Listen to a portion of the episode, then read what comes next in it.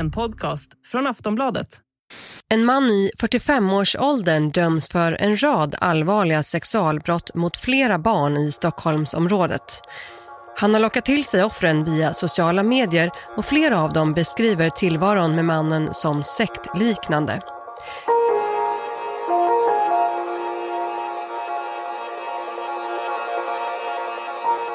Det började som ett vanligt telefonförsäljningsföretag men utvecklades snart till en sekt med tortyrliknande behandlingar. I ett hus i södra Stockholm misstänks den karismatiske ledaren ha knutit sin grupp till sig samtidigt som han utsatte dem för skendränkningar, slag och sexuellt våld. Mannen menar själv att han utsatts för en komplott, att han i själva verket försökt hjälpa dem med sin personliga utveckling. Vad var det egentligen som hände i huset bakom den höga häcken? Det här är Tortyrsekten, ett avsnitt av Aftonbladet Krim med mig, Anders Johansson.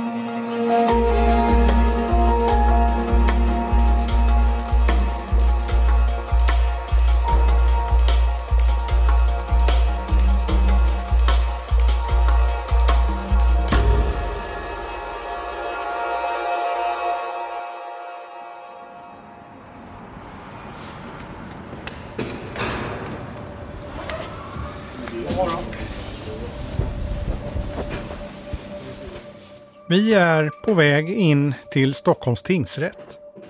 Det är den 21 december 2021. Det är bara ett par dagar kvar innan domstolens personal ska få gå på julledighet. Men än är det några mål kvar som ska avhandlas.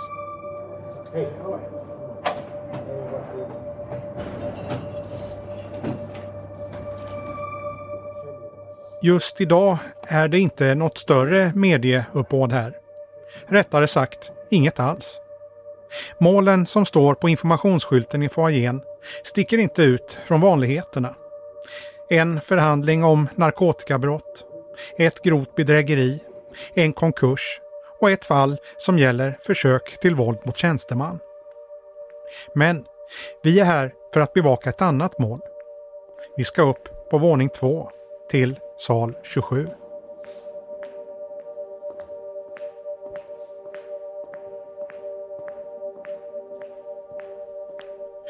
Förhandlingen som vi ska besöka har redan varit igång några dagar. Men medialt har den fått i princip noll uppmärksamhet. Så även idag. Utanför salen är det tomt, så när som på åklagarna och advokaterna som väntar på att få släppas in. Några av dem talar viskande med varandra. Klockan är strax efter nio när det plingar till. Förhandlingen i målet ska återupptas. Men vi får inte följa med. Samtidigt som målet ropas på tänds en röd lampa utanför rättssalen. Det är stängda dörrar. Vi hinner bara se hur dörren öppnas, hur åklagare och advokater stegar in. Sen stängs dörren igen.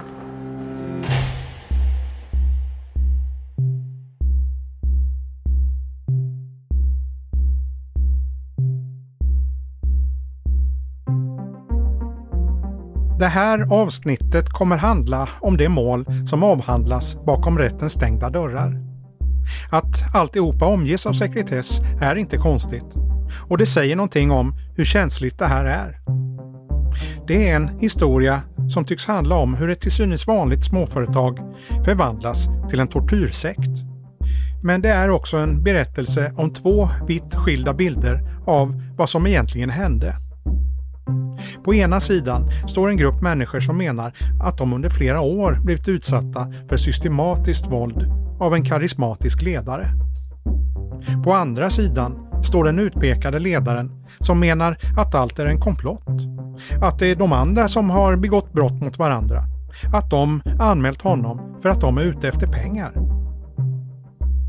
Det är en berättelse som spänner över nästan ett decennium och som till slut landar i en liten rättssal i Stockholms tingsrätt.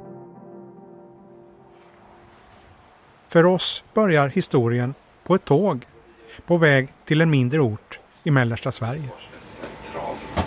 Och när det kommer till säkerheten ombord så hade vi uppskattat om vi kan placera ett större bagage i de större bagageutrymmena. Vi är på ett SJ-tåg som precis börjat rulla ut från Stockholm. Det är första veckan i april och vårsolen försöker titta fram den här morgonen. Klockan har blivit halv nio. Vi har en preliminär avgångstid vid 09.00. Peter som vi ska träffa heter egentligen något annat. Vi har haft kontakt med varandra under snart ett par månader. Först genom brev, sen över telefon och nu har han bjudit in oss till sitt hem. Efter några timmars resa är vi framme.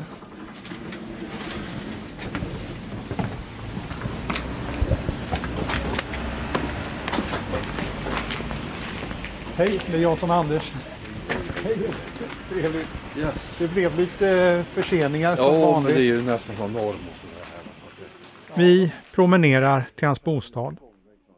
Peter har bott här i några år, men tidigare bodde han i ett större hus i Stockholm tillsammans med en grupp andra människor. Sekten. Det är den perioden i hans liv som vi är här för att prata om. Vi kommer till det snart. Men du trivs bra här? Ja, då, det fungerar. Det är okej. Det är billigare. Alltså. Halva, ja, det kommer vi berätta sen, men det är ju halva hyran. Ja. Ja. Vad hade där uppe? Så. Ja, ja. Efter några minuters promenad är vi framme. Det är ett modernt flerfamiljshus som ser välskött ut. Inne hos Peter möter hans katt Linus oss nyfiket och vill bli klappad. På väggarna hänger uttrycksfull konst som Peter själv har skapat på dator. Han har varit med på utställning men skulle vilja nå ut bredare, säger han och visar runt. När vi sätter oss ner för att prata backar vi bandet till 2012. Peter har dåligt med pengar och behöver hitta ett sätt att lösa det. Och eh, så jag ville sökte efter jobb. Och då såg jag en eh, platsannons. Där det då hade då, ja, mer eller mindre då utlovats att man skulle eh, tjäna ja, 50-60 i månaden och sådana där grejer. Va? Jobbet är som en typ av telefonföretag, ett callcenter. Peter söker tjänsten, får gå på intervju en vecka senare och anställs därefter. Själva företaget har sitt säte i Stockholm med kontor mitt i stan. De har inte särskilt många anställda och i centrum för verksamheten står chefen, Arvid, som egentligen heter någonting annat. Till en början känns allt väldigt lovande. Och eh, ja, det såg ju väldigt bra, ut när han, allting låter ju så bra när de säljer in och sådana saker. Och att det ska bli en guld och gröna skogar. Men eh, tiden, månaderna gick och det fick inga res- resultat. Och stämningen blev alltså mer och mer irriterad. I samband med att säljandet uteblir uppstår en schism på företaget mellan chefen Arvid och tre andra. Det resulterar i att Arvid, Peter och några andra lämnar kontorslokalerna i stan och under ett kortare tag sköter de verksamheten från Peters lägenhet. I början av 2013 hyr Arvid en villa på en mindre ort söder om Stockholm. Och eh, han hade ju den där besynnerliga inställningen att eh, bara vi eh, bara vi tror eller låtsas som att vi tjänar eh, 40-50 i månaden så, så kommer universum att, att ge oss det där. Alltså det är weird men eh, det var, det var så han sa i alla fall. Och eh, ja, vi köpte in, gjorde några räder på Ikea och möblerade upp den där villan. Och eh, ja, det skaffades in ja, laptops och, och sådana iPads och mobiler och sådana här saker. Och, och det verkar ju väldigt, väldigt lovande i början. Det var en eh, lagad lyxmat och det var eh, skumpa och drinkar. Det var nästan som, eh, ja, nästan som Beverly Hills typ. Och, men lovorden infriades aldrig. De, eh, det bara sköts på sidan, eh, sköts framåt. I samband med det här har själva arbetsplatsen också utvecklats till mer av ett hem för några av de anställda. Arvid, Peter och två kvinnor som är mellan 20 och 30 år gamla. Vi kallar dem Lisa och Marie.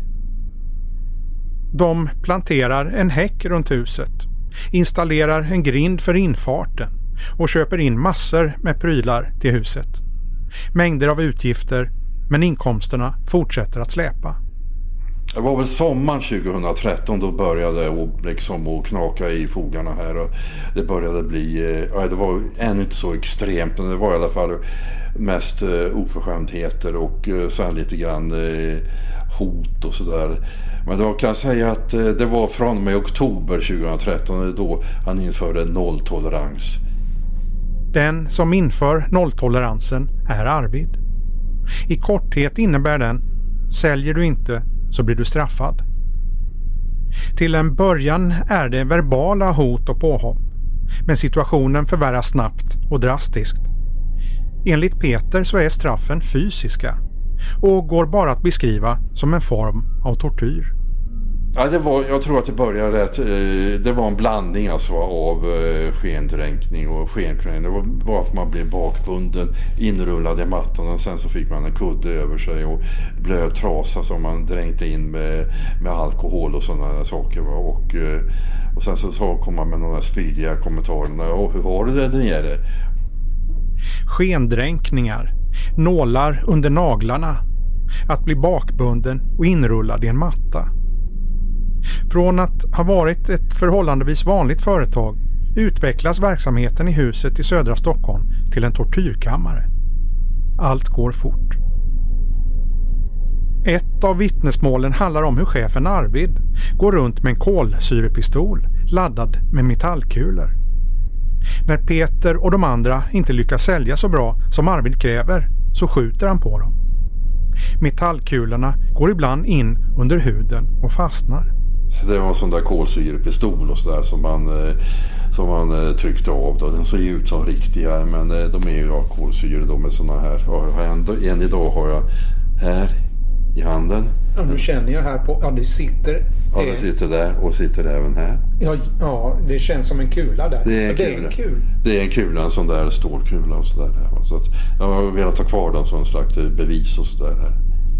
Peter berättar att samtidigt som Arvid utsätter de boende i huset för tortyren så knyter han också gruppen allt tätare till sig. De bor i huset som ett kollektiv och umgås nästan dygnet runt. Han tvingar också de tre att utföra bestraffningar mot varandra. De hjälpte till att hålla i mig och sådär och det förekom även att jag höll i och, eh, och hjälpte till och eh, band och höll fast eh, dem i benen och sådana saker och sådär. Så visst, vi var så att säga dels hjärntvättade och i någon slags eh, paralyserad chock att, att delta i de där behandlingarna då här.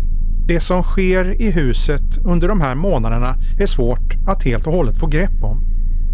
Kollektivet isoleras från omvärlden. Arvid tvingar dem att ta lån på flera hundratusen och våldet fortsätter. När allt ska sammanställas senare är det vittnesmålen om en återkommande sak som sticker ut. Skendränkningarna. Rutinen är ofta densamma. Persiennerna fälls ner. Ingen utomstående ska få se något. Alla måste vara tysta. Två personer håller i en tredje eller får bälte runt armar och ben. En handduk läggs över ansiktet. Sen hälls vatten och ibland sprit över handduken vilket gör att offret upplever sig kvävas. Det går inte att andas, vilket förutom att orsaka akut panik också kan leda till medvetslöshet och till och med döden om den pågår för länge. Metoden är att klassa som tortyr. Peter säger att även han hjälpte till att utsätta de andra för våld. Något som han ångrar idag. Ja, det, det bär med not att säga lite grann men det är det som en diktatur fungerar. Att, eh, att eh, åh vad skönt.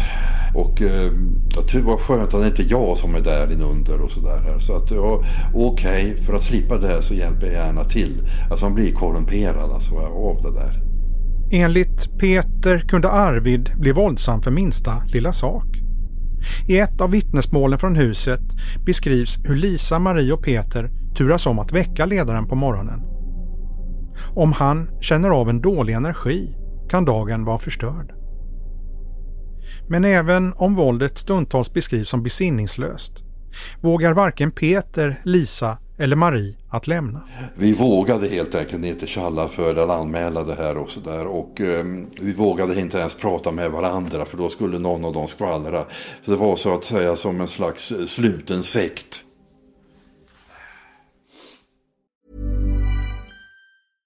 Hey, I'm Ryan Reynolds. At Mint Mobile, we like to do the opposite of what Big Wireless.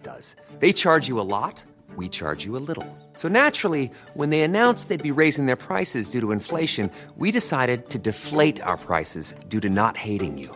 That's right. We're cutting the price of Mint Unlimited from $30 a month to just $15 a month. Give it a try at mintmobile.com slash switch. $45 upfront for three months plus taxes and fees. Promo for new customers for limited time. Unlimited more than 40 gigabytes per month. Slows. Full terms at mintmobile.com.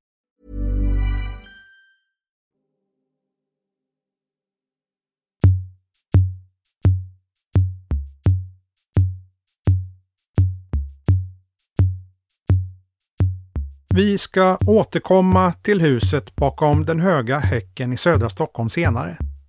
Våldet och övergreppen där inne ska enligt vittnesmålen pågå under lång tid. Trots flera anmälningar tar det många år innan rättsväsendet får upp ögonen för händelserna i kollektivet. När det väl händer så sker det på grund av ett helt annat fall. Under hösten 2020 så får vi in en, ett ärende till oss eh, här på Barnahus. Det här är Rickard Johansson. Han är utredare vid polisen och jobbar vid något som heter Barnahus. En inrättning som hjälper barn och ungdomar som utsatts för allvarligare brott. Det är en, en 17-årig målsägare som eh, har blivit hotad eh, över nätet. Rickard Johansson och en kollega börjar arbeta med ärendet med den 17-åriga flickan och märker snabbt att det här bara verkar vara en av flera saker som hon blivit utsatt för i kontakten med målsägaren så, blir det, så, så framkommer det liksom tidigt att, att det här, ehm, den, här, den misstänkte då, det är en, en man som hon har haft en relation med under flera år. Och att det finns, finns väldigt mycket historik, det finns väldigt mycket, många händelser som hon har att berätta om. Ehm, och att det här olaga hotet var väl mer eller mindre bara toppen på ett, på ett, toppen på ett isberg. Polisen tar in den 17-åriga flickan på förhör. Då växer berättelsen fram. Hon berättar ju om en utsatthet under, under många års tid. Och eh, i, i samtal, i förhör med henne så namnger hon också eh, andra personer som har funnits i, i den här misstänktes närhet. Det är, väl, det är väl då vi börjar liksom titta på titta på den misstänkte och i, i de polisiära registren och, och ser där att det finns liksom mycket historik med ett, ett flertal utredningar genom åren. Utredaren Mia Karlén, som är kollega till Rickard Johansson, berättar att de hittar flera ärenden där samma person varit misstänkt. Vissa är nästan tio år gamla. Vi hittar, eh, vi hittar många tidigare utredningar där den här personen har varit misstänkt. Eh, och vi hittar också många fler målsägare. Eh, men ingen av de här utredningarna som, har, som, som polisen haft tidigare har lett till åtal utan samtliga har lagts ner. När poliserna börjar granska innehållet i det gamla materialet ser de att det inte bara är gärningsmannen och brottsrubriceringarna som knyter ihop ärendena. Det finns även annat som får dem att reagera. Det vi ser det är att eh, flera av de här målsägarna berättar om liknande eh, händelser som de har varit med om. Och det är väldigt specifika händelser som, eh, som gör att vi eh, det väcks en varningsklocka hos oss och det gör att vi vill um, vi gör en sammanställning av det här helt enkelt, det som vi har upptäckt. Vi ser ett tydligt modus, ett tydligt tillvägagångssätt. Personen som pekas ut är alltså Arvid, mannen i huset i södra Stockholm. Polisen ser hur samma mönster går igen med de olika personerna som säger sig ha hamnat i mannens våld. Det som vi också ser i de här tidigare eh, utredningarna och de tidigare förhören som har hållits med, med mål, de andra målsägarna i de utredningarna och även det som berättas för oss eh, i den här nya anmälan som kommer in, det är ju att eh, samtliga målsägare beskriver den här misstänkte på nästan exakt samma sätt. Man beskriver honom som eh, eh, som väldigt paranoid, som eh, psykot, eh, psykopatisk, eh, som ehm, eh, han har väldigt högt säkerhetstänk gällande myndigheter. Han lever väldigt, eh, ja, väldigt på sin vakt. Eh, och samtliga målsägare berättar även om eh, att han ehm, är, eller utger sig för att vara en expert på personlig utveckling. Och i hans eh, metoder då så ingår det att bestraffa målsägarna om de inte utvecklas i den takten eller på det sättet som han önskar. Eh, och det är väl de här bestraffningarna då som, det är där i som de här övergreppen har skett i många fall. Och det har varit ehm, det är många av de handlingarna som, är, som har begåtts där som senare har lett till åtal. Övergreppen känns igen från Peters berättelse. Totalt så, så har ju vi eh, sex stycken olika målsägare som vi har, har, jobbat med under utredningens gång. Och fem av de sex eh, beskriver eh, bland annat eh, skendränkningar av, av olika slag. Skendränkningarna är långt ifrån allt som Arvid anklagas för. Flera av de som anmält honom är kvinnor som beskriver upprepade sexuella övergrepp, våldtäkter. Fallet växer. Två av målsägarna är minderåriga, i nedre tonåren. De beskriver hur han tagit kontakt med dem och utnyttjat dem sexuellt. Alla berättelser utspelar sig inte i huset i södra Stockholm för Peter, Lisa och Marie är huset en central punkt, men flera av de andra målsägarna har fått kontakt med Arvid på andra sätt. Men trots att det kan handla om vitt skilda berättelser finns det en punkt som förenar flertalet av fallen. Nästan alla målsägarna har i eh, förhör med oss eh, nämnt just ordet sekt, att det kändes som att leva under i en sektliknande miljö eh, de åren och de eh, den tiden som man levde med den här personen. Så det är någonting som målsägarna själva har beskrivit, att det har känts som att vara i en sekt. Rickard Johansson och Mia Karlén samlar in vittnesmål efter vittnesmål om Arvid. Men innan de hinner ta in honom för förhör sker något oväntat. Han får under utredningens gång reda på att den här utredningen pågår eh, redan innan vi tar någon form av kontakt med honom. Och eh, vi blev helt enkelt uppringda av honom. Eh, där han själv önskar att få en, en tid och plats där han ska inställa sig till, till polisen. Arvid ringer alltså själv och ber att få en tid hos polisen. Kort senare bokar utredarna ett möte. Så det, det som sker när vi väl eh, eh, anser att det är ett bra läge att, att frihetsberöva honom. Det är helt enkelt att vi, vi bestämmer en tid och plats och han kommer tillsammans med, med sin advokat eh, och, att, och, då, och då frihetsberövas han.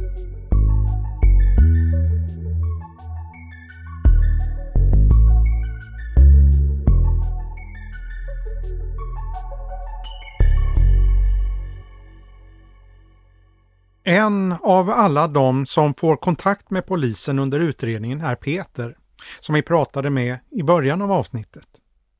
Vi backar tillbaka till när vi lämnade hans berättelse sommaren 2014. Han hade då varit i huset under flera månader och beskrivit tillvaron som ren terror. Men Peter ska få en väg ut. Det sker nästan som av en slump efter att han har bott i huset under några månader. Ja, det kan säga det var terrorn började ju då oktober 2013 och sen blev jag ju jag fick sparken och sådär i början av juli 2014. Det som händer, enligt Peter, är att Arvid anklagar honom för att ha stulit saker i huset. Öl, cider, mat och pengar. Peter säger sig vara oskyldig och att Arvid riggat allting för att få ut honom ur huset. Det spelar ingen roll. Peter ska ut. Under sommaren 2014 lämnar han kollektivet. Så det var knappt, eh, ja det var i alla fall, eh, vad, vad blir det, nio månader och sådär ungefär. Som, som jag levde under den där extrema terrorn och sådär. Så att... Efter att Peter lämnat gruppen polisanmäler han Arvid. Men ärendet läggs ner. Han flyttar och försöker reda upp sitt liv igen. För honom är egentligen historien över efter sommaren 2014. Men för Lisa och Marie har helvetet bara börjat. De beskriver själva hur de är kvar i Arvidsvold under lång tid framöver. Lisa och Marie berättar att de flyttar ut ur huset och sen tycks flytta runt i Stockholm under ett tag framöver. I deras vittnesmål berättar de hur våldet fortsätter. Att han slår dem med elkablar, stänger ute dem en hel natt på en balkong och väcker dem med en hink kallt vatten. De berättar att de sexuella övergreppen fortsätter. Arvid skaffar en ny flickvän som själv säger att de bara är 14 år. Enligt Lisa och Marie är han våldsam även mot henne. De hittar hårtussar när de städar. Berättelserna från Lisa och Marie är för många för att få plats i det här avsnittet. Marie säger själv i förhör att hon skulle kunna berätta i dygn om allt som hänt. Men gradvis börjar Lisa och Marie försöka ta sig ur kollektivet. Lisa tar de första stegen och flyttar in i en ny bostad. Men försöket misslyckas. Hon berättar senare i förhör hur hon praktiskt taget blir kidnappad utanför sin nya bostad av Arvid, Marie och två torpeder från Östeuropa som de anlitat. Och de för henne tillbaka till kollektivet under allvarliga hot och som gör att de sen inte vågar fly på nytt närmaste tiden. Men till slut slår hon sig fri och lämnar för gott. Marie är kvar ett tag till men under julhelgen 2016 lämnar även hon kollektivet. Det ska ta flera år innan polisen får upp spåren.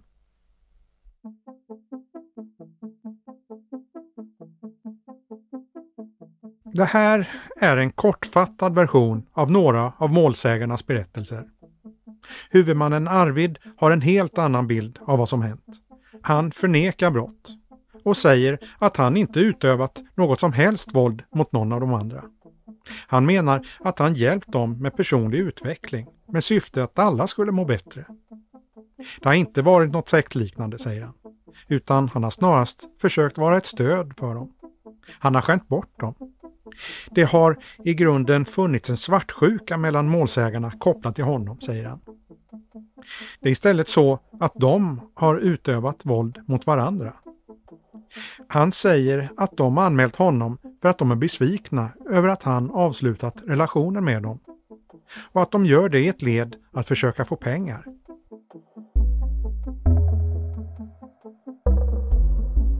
Men åklagaren bedömer att de sex målsägarnas berättelser väger tyngre. Arvid grips alltså och när bevisen presenterats i domstol blir han häktad. Medan han sitter inlåst fortsätter utredningen och när den är klar väcks åtal. Det blir 23 åtalspunkter gällande sex målsägare. Det handlar om brott som grov misshandel, människorov, olaga frihetsberövande, olaga hot och våldtäkt mot barn. Den 14 december börjar huvudförhandlingen. Rättegången pågår i 20 dagar och hålls bakom stängda dörrar. Vilket alltså innebär att inga åhörare får vara närvarande. I slutet av mars 2022 faller domen. Mannen som nu är i 45-årsåldern döms för bland annat våldtäkt mot barn, olaga frihetsberövande och grov misshandel. Brotten har begåtts mellan 2013 och 2020 mot sex målsäganden, en så ung som 13 år. Arvid döms allt som allt för 19 brott.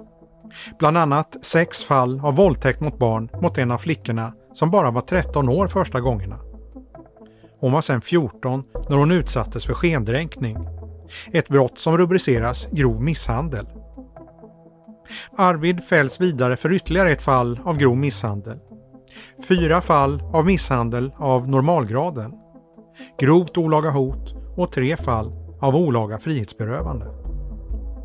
Tingsrätten anser att åklagarens beskrivning av brottsligheten i stort är styrkt och skriver i domen mot Arvid. Han har synbarligen byggt upp en sektliknande struktur bestående av honom själv och manipulerade målsägande där han återkommande har förmått målsägande att medverka till mer eller mindre grova brott mot andra målsägande genom tvång eller uttalade eller underförstådda hot samt genom missbruk av medverkandes ungdom, oförstånd eller beroendeställning. Mot bakgrund härav står det klart att brotten har utgjort led i en brottslighet som utövats systematiskt. Men Arvid frias också från ett flertal av anklagelserna. Ett antal av de åtalade skendränkningarna döms han till exempel inte för. När det gäller Peters berättelse, alltså mannen vi pratade med i början av avsnittet, så frias Arvid helt från den åtalspunkten. Tingsrätten anser att Peter berättat på ett i sig trovärdigt sätt. Men då han sagt att han kan ha blandat ihop olika skendränkningar eftersom den typen av bestraffningar var vanliga i huset har det varit svårt att ringa in en specifik händelse. Peter har till exempel inte kunnat minnas vem av de två kvinnorna som band hans händer. Kvinnorna som vittnat har återgett delvis olika minnesbilder vilket gör att tingsrätten anser att bevisningen inte räcker. Arvid döms ändå till ett kännbart straff och får sammanlagt sex års fängelse.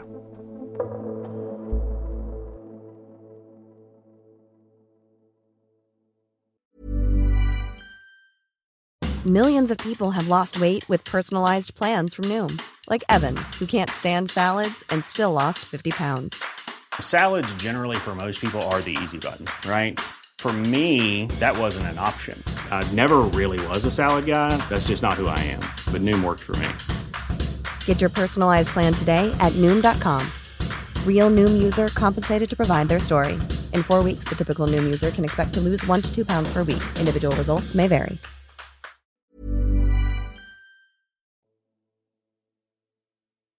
När vi pratar med åklagaren Charlotte Nordström har hon precis skummat igenom domen. Även om rätten bifaller stora delar av åtalet är hon inte helt nöjd med tingsrättens bedömning. Det man generellt kan säga är väl att eh, det här rör ju i mångt och mycket ganska gamla händelser. En del är ju ända från 2013 och fram till 2020.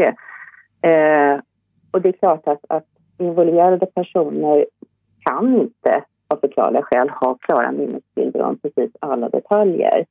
Nej. Eh, det vi däremot tycker vi konstaterar är att målsägarna varit med om så pass traumatiska händelser att de har bra mycket mer minnesbilder än vi kanske hade kunnat förvänta oss. Det är en bedömningsfråga. Räcker det eller räcker det inte? Vi har gjort en bedömning att vi tycker att det räcker. Tingsrätten har gjort bedömningen att det inte riktigt räcker i vissa delar. Och det är det vi får titta närmare på. Hur ser då åklagaren Charlotte Nordström på själva påföljden? Längden på fängelsestraffet? Ja, för sex år med hänsyn till det som han faktiskt döms för så är inte det en orimlig påföljd. Eh, vi hade yrkat på minst tio år eh, för samtlig brottslighet, alltså inkluderande det som han är frikänd för. Eh, så vi, vi får se hur vi ska hantera ett eventuellt överklagande framöver, men det är inte otänkbart. Några veckor efter vårt samtal blir det också så. Åklagarsidan ger in ett överklagande. Åklagaren anför att tingsrätten gjort en felaktig bevisvärdering och begär bland annat att Arvid ska fällas för samtliga skendränkningar hon åtalat honom för. När vi spelar in det här har målet ännu inte prövats av hovrätten. Det finns ingen lagakraftvunnen dom. Därför förtjänar att påpekas att Arvid ska betraktas som oskyldig. Men oavsett den rättsliga utgången är det här fallet något utöver det vanliga, även för en senior åklagare som Charlotte Nordström. Ja, det är nog ett, ett ärende som sticker ut och som jag säkert kommer bära med mig framöver. Eh, det är av det ovanligare slaget, så skulle jag vilja säga.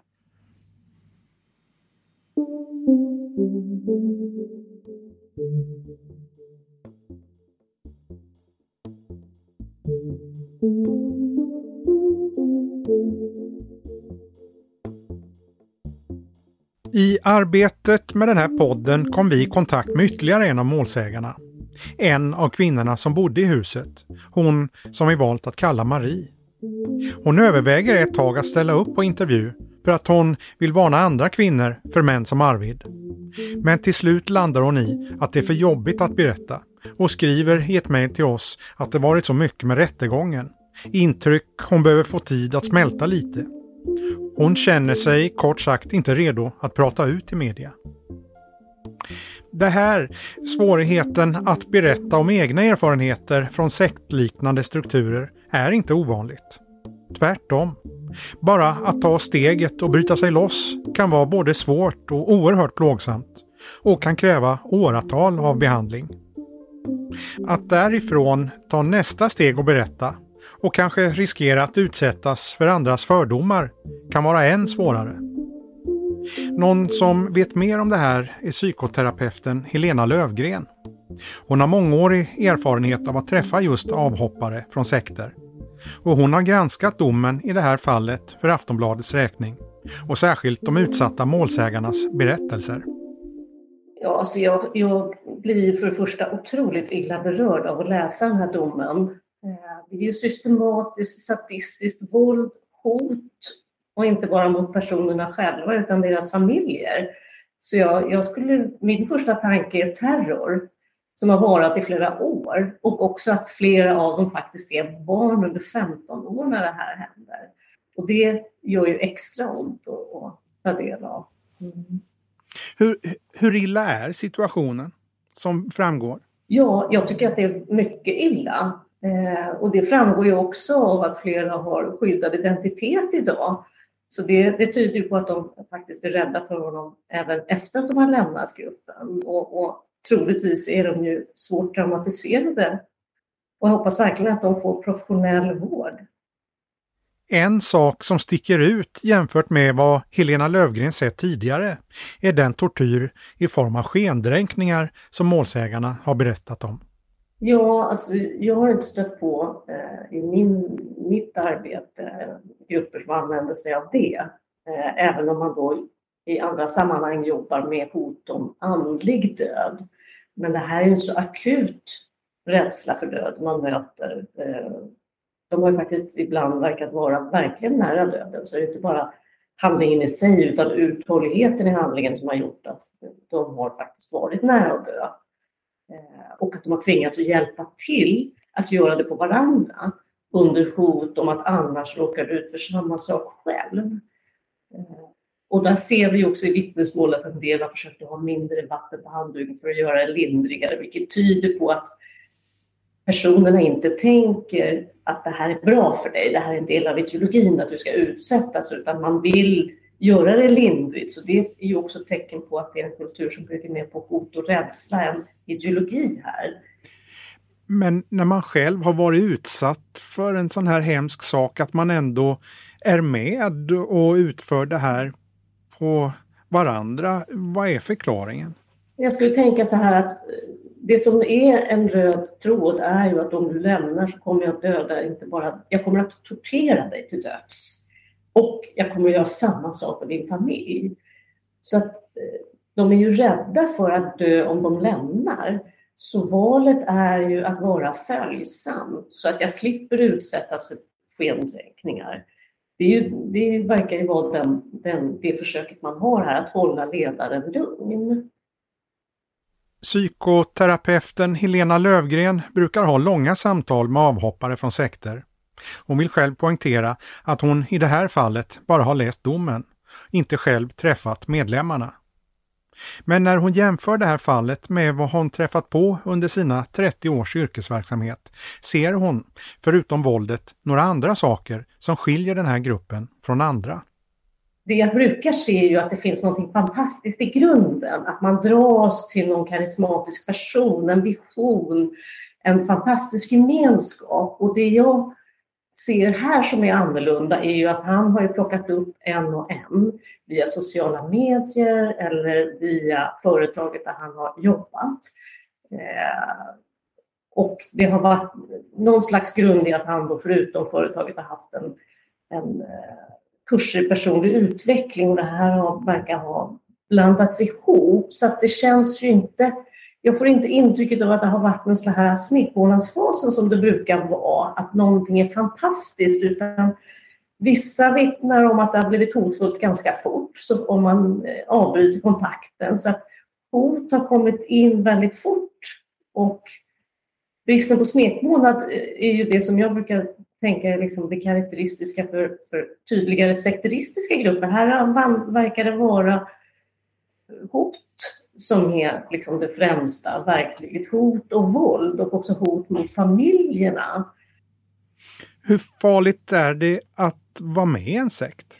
Ja, och det här tänker jag igen att det är också viktigt att bedöma när någon faktiskt är med en fullvärdig medlem och inte bedöma hur farligt det är att vara periferin av en sekt. För många säger så här, jag gick på en liten kurs i någon sån här eh, personlig utveckling som anses sekteristisk eh, och får inte illa. Men menar, det är illa, det brukar ju börja när man väl är med.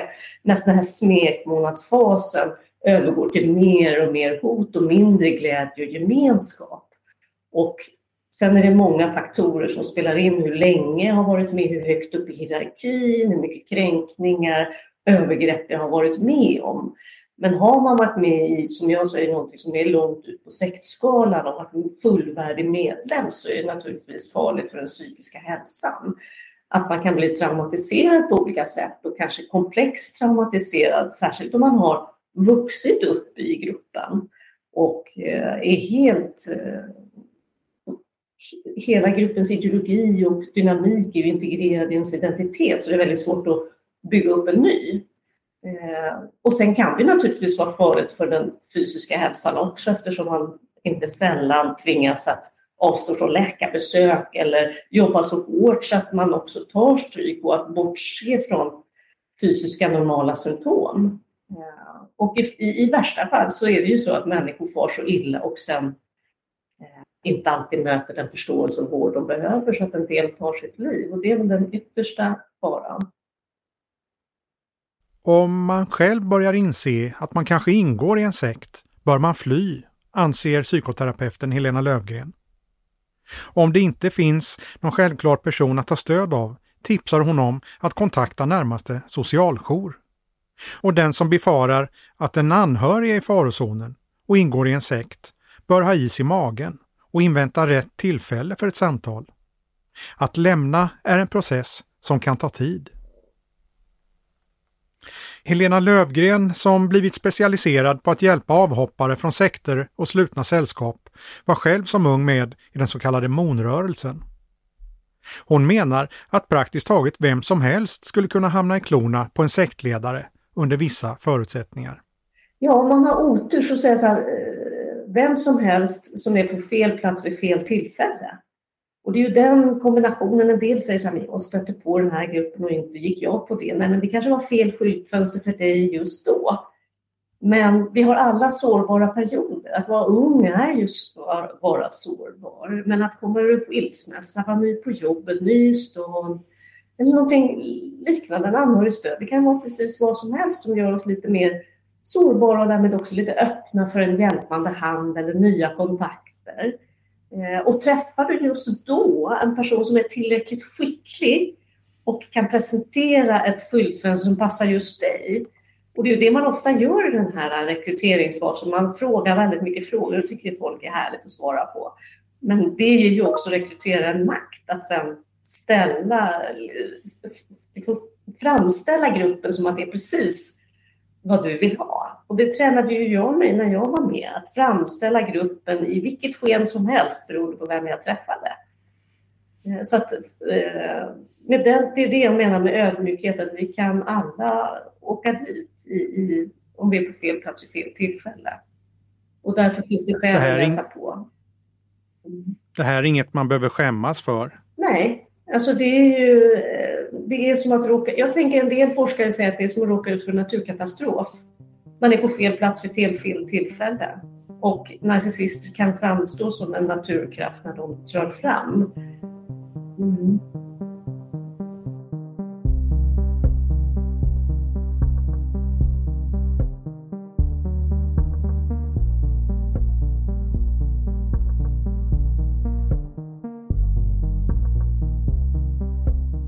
En anmälan om hot på internet från en 17-årig flicka ledde till en omfattande rättegång där åratal av övergrepp till slut prövades av rättsväsendet.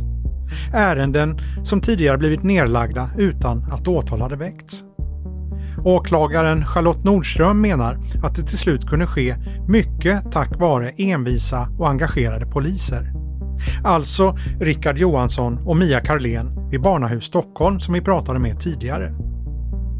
De såg samband som ingen sett tidigare och är nöjda med att de bidragit till att ge målsägarna en ny chans till upprättelse. De tycker nu, efter domen i första instans, att det är viktigt att framhålla att de som blivit utsatta är helt vanliga människor. Som fått kontakt med den misstänkte på olika sätt, genom arbetslivet, genom nätet och vissa har haft en kärleksrelation med honom. Mia Karlén sammanfattar. Och så tänker jag också att det här är någonting som, eh, som verkligen kan drabba vem som helst och att man, man måste vara vaksam tidigt när varningssignaler dyker upp och våga vara modig och berätta för någon i sin närhet direkt om det är någonting som inte känns bra. Jag tänker också på det här att, eh, att vi vill uppmana att man ska anmäla eh, brott man har varit utsatt för utan de här tidigare anmälningarna som vi eh, kunde återuppta, eller som åklagaren kunde återuppta, så hade vi inte kunnat se det här tydliga moduset och, eh, och pröva det här på nytt. Peter, som vi pratade med tidigare i avsnittet, har bearbetat sina upplevelser från tiden i sekten. Hur har han blivit påverkad? En sak säger han att han kände då och känner fortfarande. Skam för att han lät det hela gå så långt. Ja, man har ju blivit lite, mer misstänksam och sådär och lite mer, eh, lite mer, ja, mer skeptisk och sådär. Men samtidigt liksom mer, ja, mer tuffare och sådär. Jag, jag skulle inte liksom för tidigare sätt stå och sitta här liksom och berätta så jag är nu som jag gör nu och sådär. Och sen också, ja, jag har tränat upp min förmåga att uh, uttrycka mig, mig i skrift och sådär. Så att, Peter förklarar att han ställer upp och berättar det här för att han vill varna andra. Vad tycker han man ska göra om man upplever att man kanske plötsligt befinner sig i en sekt? Ja, det är som sagt, det är lättare sagt än gjort och sådär att bryta sig loss och sådär här. Men eh, det gäller att eh, se upp för tidiga varningssignaler. Att eh, när alltså den här smekmånaden är över och att man då och man märker då att bara börjar barka hän att spring därifrån. Och sen om det har gått för sent, alltså, då blir det ju mycket, mycket, eller gått för långt, alltså då, då, då, alltså då, då, är det ju, då kan det bli hiskelens besvärligt. Så att, eh, då, får man nog vara beredd på att eh, kämpa liksom, och slåss för det, eller helt enkelt bara rymma och, och, och eh, ja, ta i med hårdhandskarna. Alltså att, och ta kontakt, alltså, ta kontakt med, med samhället, för det, för det är ändå det de är till för, att hjälpa försök och stick och sådär. Det är nästan som ett, eh, det är som ett krig. Undvik till varje pris att bli tillfångatagen och om det blir det så rym fältet. Om, och göra allting för att rymma fältet.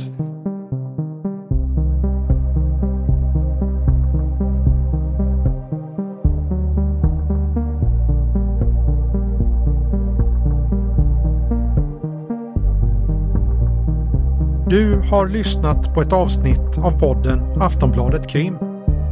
Klippen kommer från Sveriges Radio. Producent var Marcus Ulfsand. Jag heter Anders Johansson.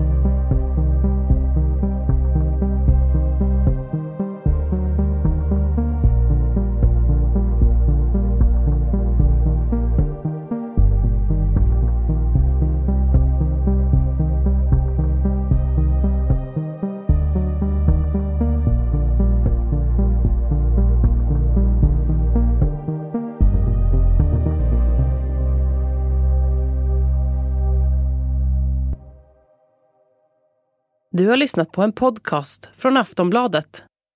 Ansvarig utgivare är Lena K Samuelsson. Ruby Frankie was known by millions as a very tough mom. That's exactly the way she wanted it. The social media star amassed a huge following of supporters and detractors alike, preaching the values of strict discipline. But you'll learn in a new podcast available exclusively on Wondery Plus how the small empire built by this momfluencer crumbled the moment her 12-year-old son escaped their home and called 911.